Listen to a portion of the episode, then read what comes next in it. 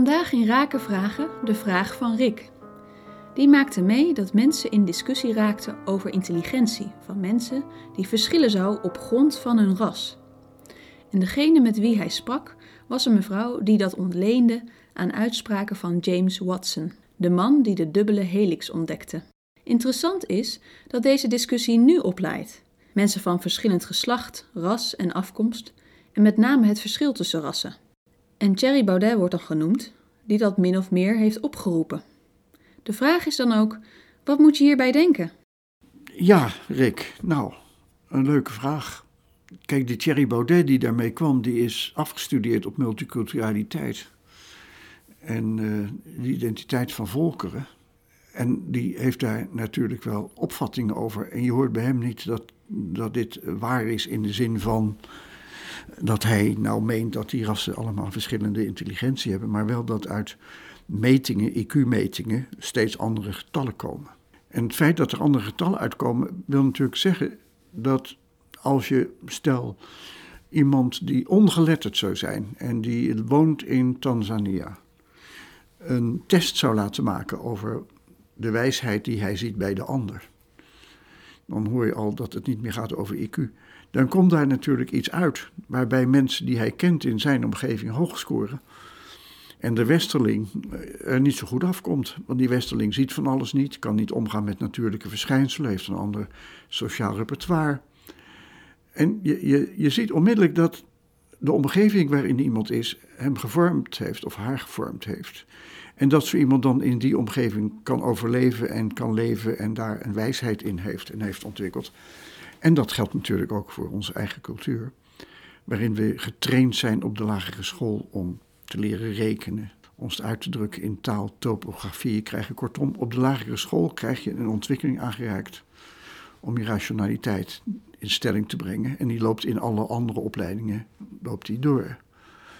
En de vraagstelling die dan ook in IQ-test zit, is hoe ver jij op een bepaalde leeftijd gekomen bent met die rationele ontwikkeling. Dus stel dat jij vijf bent en je kunt Latijn spreken en zit in die test een vraagstelling die daarop ingaat, dan scoor jij in die test behoorlijk hoog. En ik weet nog dat ik een keer een test kreeg en dat de uitkomst was miraculeus hoog. En dat ik dacht, ja, dat zegt me niet zoveel, want als ik naar die vragen kijk, ik had ook hele andere vragen kunnen krijgen waar ik helemaal niet het antwoord op wist.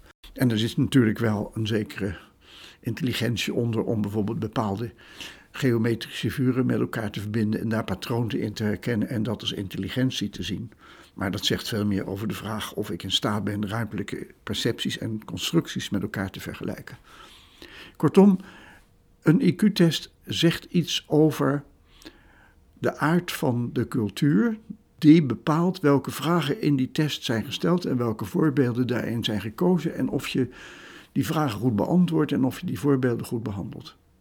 En als ik ben opgevoed uh, en ik ben 60 in uh, Afrika en ik heb uh, geen school gedaan, dan zie je toch vaak dat het hele wijze mensen zijn. Die ook van alles kunnen, maar die natuurlijk totaal falen in een IQ-test.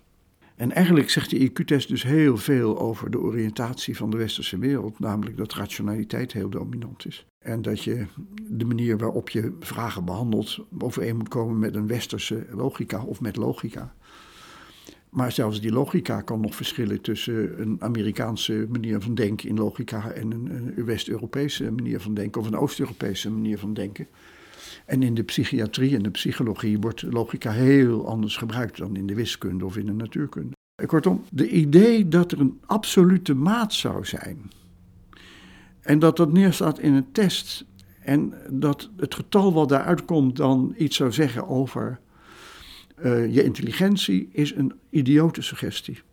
En eigenlijk, als je vormen van betekenisgeving tot je beschikking hebt en weet dat rationele betekenisgeving de westerse samenleving domineert, dan zegt het eigenlijk alleen maar dat die rationele betekenisgeving in de westerse wereld heel hoog wordt gewaardeerd, dat vragen erop gebaseerd zijn en dat je in die test laat zien dat je daar veel in geleerd en gedaan hebt en dat je er ook een repertoire in hebt ontwikkeld.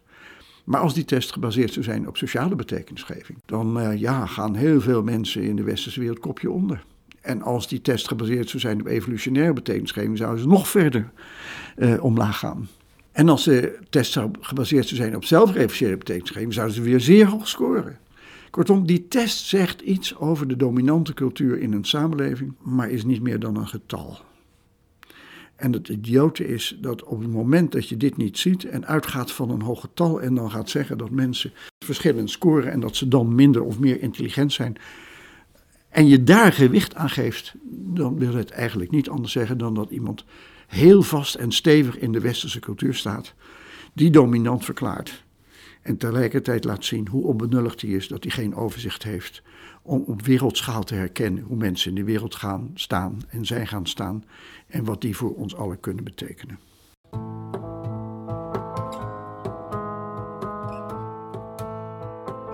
Wil je ook je eigen rake vraag beantwoord zien worden? Stuur dan een mailtje met je vraag naar czen